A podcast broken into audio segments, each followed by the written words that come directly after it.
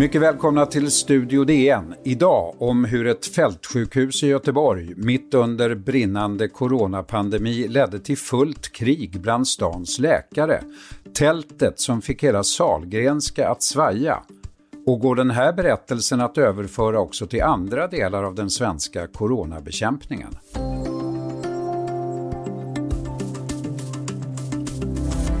För att lite tala med Astrid Lindgren, varför gör de på detta viset? Hur kunde det egentligen komma sig att ett tält fick hela det prestigefyllda Göteborgssjukhuset Salgrenskas pandemiplan att falla och leda till inbördeskrig bland läkarna?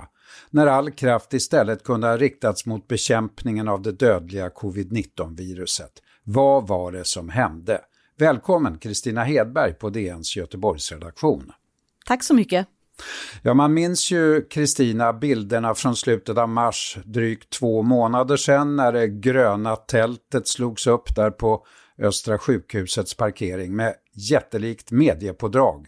Vilket intresse det var. Ja, det var det. Jag var där personligen då. Det var ju som att stå framför eh, sjukhuset i tv-serien MASH för oss som minns den. Och eh, det var enorm entusiasm. Försvaret var på plats och var glada över att få jobba på riktigt som de sa. Vården var där och politikerna som hade bestämt detta och tyckte att det var enormt skönt att få en så stark resurs så tidigt i pandemin. Och vi från medierna var nog också ganska eh, charmade av det här, att det hände något. Det talades om krig mot viruset och det kändes ju just väldigt handlingskraftigt att, och, och väldigt synligt, enormt symbolladdat. Och sen blev det också krig bland läkarna. Det är ju många spår här. Hur skulle du sammanfatta det hela så vi får en överblick först? Ja, alltså det är en tacksam journalistisk berättelse det här att tältet är geografiskt avgränsat, det är liksom en väldigt tydlig plats där det här dramat utspelar sig och också under begränsad tid. Att det låg patienter på IVA Kronan, som det här fältsjukhuset heter formellt, mellan den 8 april och den 29 april. Så en månad, ett tält. Och ett enormt drama då som uppslukade stora delar av Sahlgrenska universitetssjukhusets resurser eh, i en tid när man verkligen kunde lagt kraften på något annat. Och det handlar framför allt om när skulle det här sjukhuset användas och hur. Inte att det finns, men när är det läge att lägga de svårast sjuka svenskarna i ett eh, fältsjukhus? Ja, var, var gick konfliktlinjen mellan de som bråkade, Kristina? Jag tror man ska säga att eh, det handlar om patientsäkerhet för de som har varit oroliga, men också om arbetsmiljö, kanske ännu mer egentligen. Det är en ovan miljö för de som ska in och arbeta i det här fältsjukhuset. Eh, annan utrustning, eh, en annan omgivning såklart, med tältdukar och så vidare. Men eh, och det i sig kan ju ge en osäker situation för patienter om man har en massa läkare som känner sig valpiga och, och, och, lite griniga istället för kompetenta, som de väl förhoppningsvis ska känna sig när de går in i en sån situation. Men kan man säga att det, att det är lite olika spår bland läkarna här? Att det är några som är beredda att, att chansa lite mer och, och ta lite större risker för själva utvecklingens skull och kunskapsinhämtandets skull så att säga? Ja, det tror jag och det säger alla jag har pratat med att det finns två sorters läkare. Eh, en del älskar eh, att ge sig av på uppdrag till Kongo och bekämpa ebola i, på ganska liksom eh, under villkor som är långt från hemmaplan. Och eh, där får de sin största professionella utmaning. Det där är ett ord som kommer att återkomma sen. Eh, och andra läkare kanske får sin största utmaning i tekniska nya landvinningar, finkalibrerade mätvärden, instrument som kan avläsa minsta lilla skiftning hos en patient. Jag tror vi ska vara glada att båda sorterna finns, men i det här fallet så blev deras olikheter en, en stor konflikt. Och en av nyckelpersonerna det heter Bertil Andersson, vem är han?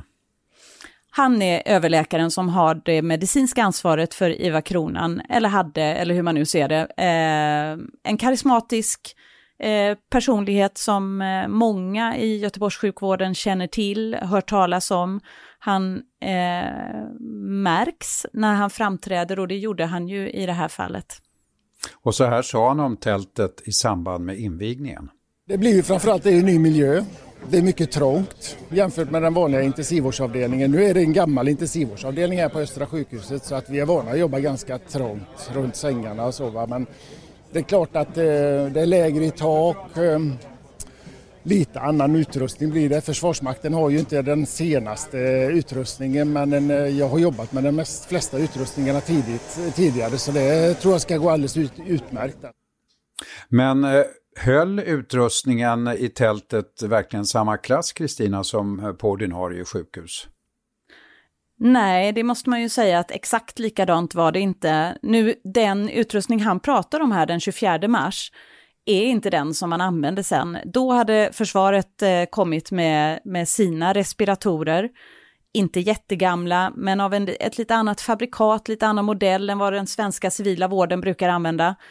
Eh, och eftersom de kändes så pass obekanta så tog man istället fram sina ännu äldre respiratorer från eh, reservlagren inne på sjukhuset och från Socialstyrelsens beredskapslager. Så det blev aldrig försvarets respiratorer, men de som det blev var såklart inte de allra nyaste, för de står ju inne på, på den vanliga IVA. Men var det inte till och med så att en del av de här respiratorerna skulle man vara lite friskare och lite yngre för att eh, kunna använda egentligen? Ja, det där eh, det är ju olika, men det är klart att den, ett fältsjukhus i normala fall är ju tänkt för traumaskadade unga soldater. De är sprängskador och yttre våld och så vidare. Det är ju den typen av patienter som normalt tas in på ett fältsjukhus. Nu skruvade man om den här eh, liksom, lokalen och till att användas för kanske något äldre sjuka i en virussjukdom som skulle ligga ganska länge eh, och bli behandlade. Det är klart att det var en helt annan situation. När vi kommer tillbaka så ska vi tala mer om det fanns risk för att folk blev felbehandlade eller sämre behandlade i tältet än på ett vanligt sjukhus.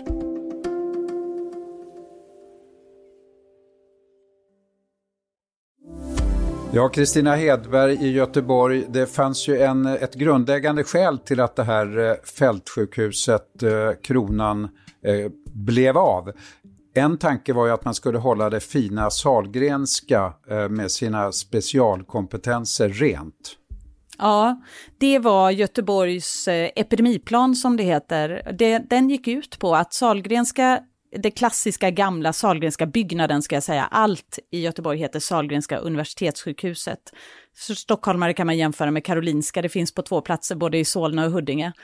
Eh, Salgrenska finns då på tre platser i Göteborg. Men den klassiska byggnaden där riksuppdragen för transplantationer äger rum och där cancervården är, den var, idén var att inte regelmässigt behandla svårt sjuka covidpatienter där.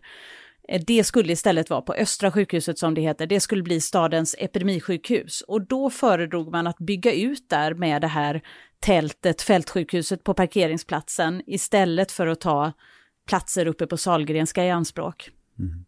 Men det, det, var alltså att det fanns ju alltså lediga intensivvårdsplatser på andra sjukhus i Göteborg än med bättre utrustning och ändå så togs tältet i bruk. Hur motiverade man det?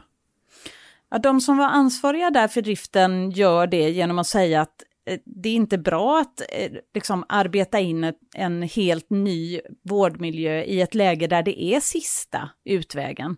Det är bättre att pröva en sån ny obekant miljö när man har andra platser att ta till om det skulle visa sig att, att man var tvungen att göra det.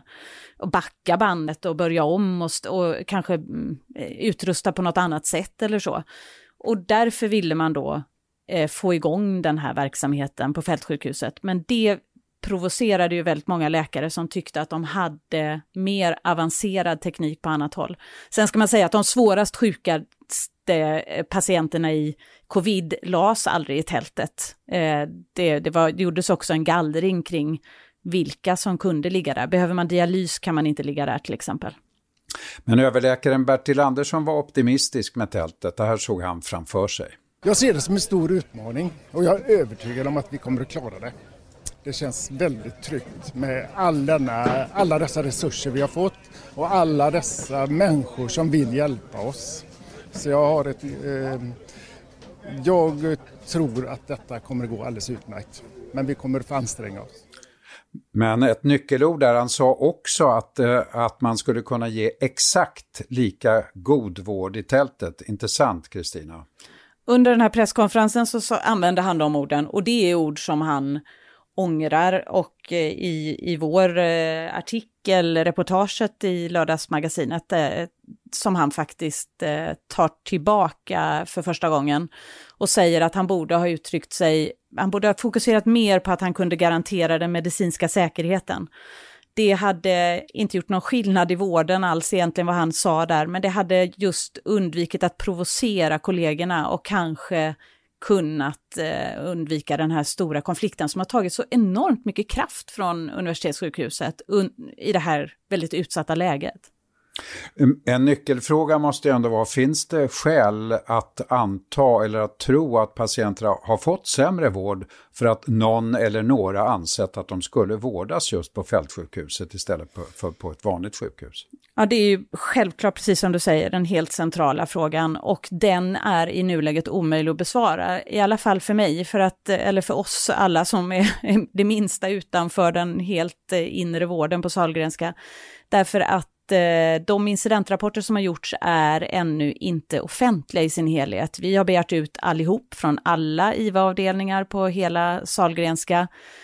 Eh, det är väldigt få, det är ganska odramatiska rapporter och skälet är att de som är mer problematiska är fortfarande under utredning och därför inte offentliga. Det talas från flera håll om en person eh, under april månad som vårdades på fältsjukhuset Kronan, där, det, där många tror att det gjordes ett misstag som fick eh, betydelse för den här personens fortsatta utveckling. Och ni, du hör ju hur jag säger, en person, jag vet ingenting om eh, ålder, kön, eh, fortsatta utveckling, jag vet inte hur det gick för personen, jag vet inte heller incidenten. Kanske blir det någonting som vi kan få ta del av senare. Det här kommer att utvärderas, det kommer mm. ju att bli mer rapporter om det. För som sagt, det var, det var ändå nyckelpersoner som avgick och det blev protester mot personalen och eh, eh, upprop och folk gick ut i medier och, och så vidare. Hur är stämningen idag då i, inom sjukvården i Göteborg?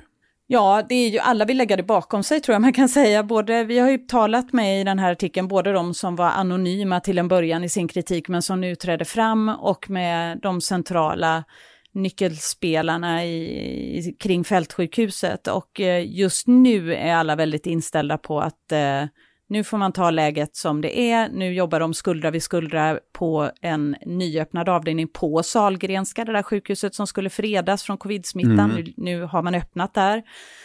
Det finns också risker och eh, faktorer där som inte är ultimata, det kommer också, säkert också behöva utvärderas framöver. Men eh, många säger att de önskar att det aldrig hade blivit som det blev och att de vill göra på ett annat sätt framöver med kommunikationen mellan, sinsemellan i alla fall. Tycker du då, Kristina, att, att det finns någonting man kan överföra av det här till andra delar av den svenska coronabekämpningen som du har observerat? Ja, men det tror jag på det sättet att, eh, att tidigt i pandemin så så fanns det en längtan efter att någon skulle ta beslut och slå in på en väg och bara eh, ha en idé i alla fall. Man kan jämföra med den svenska strategin som skilde sig lite från eh, de närmaste grannländerna. Vi får se vem som gjorde rätt. Nu börjar man prata om att det kanske fanns fel som gjordes, men man gjorde ett val. Och så kan man ju se på Göteborg också i förhållande till Stockholm, där Älvsjö aldrig har tagits i bruk. Fältsjukhuset Skåne står det också tomma hittills oanvända platser. Göteborg valde att prova det här. Eh, nu har man en, eh, och det var tidigt i utvecklingen, nu med lite mer erfarenhet så, så funderar man över om det var rätt eller fel. Och jag tänker svara som alla andra i de här sammanhangen att det är för tidigt att, att bestämma vilket facit och jag är säkerligen helt fel person att skriva den historien. Tack så mycket Kristina Hedberg och vi följer naturligtvis utredningarna de kommande om fältsjukhuset Kronan. För ljudillustrationerna idag stod du själv. Studio DN görs av producent Sabina Marmulakai, exekutiv producent Augustin Erba, ljudtekniker Patrik Miesenberger, teknik Oliver Bergman, Bauer Media. Jag heter Lasse Bengtsson. Vi hörs.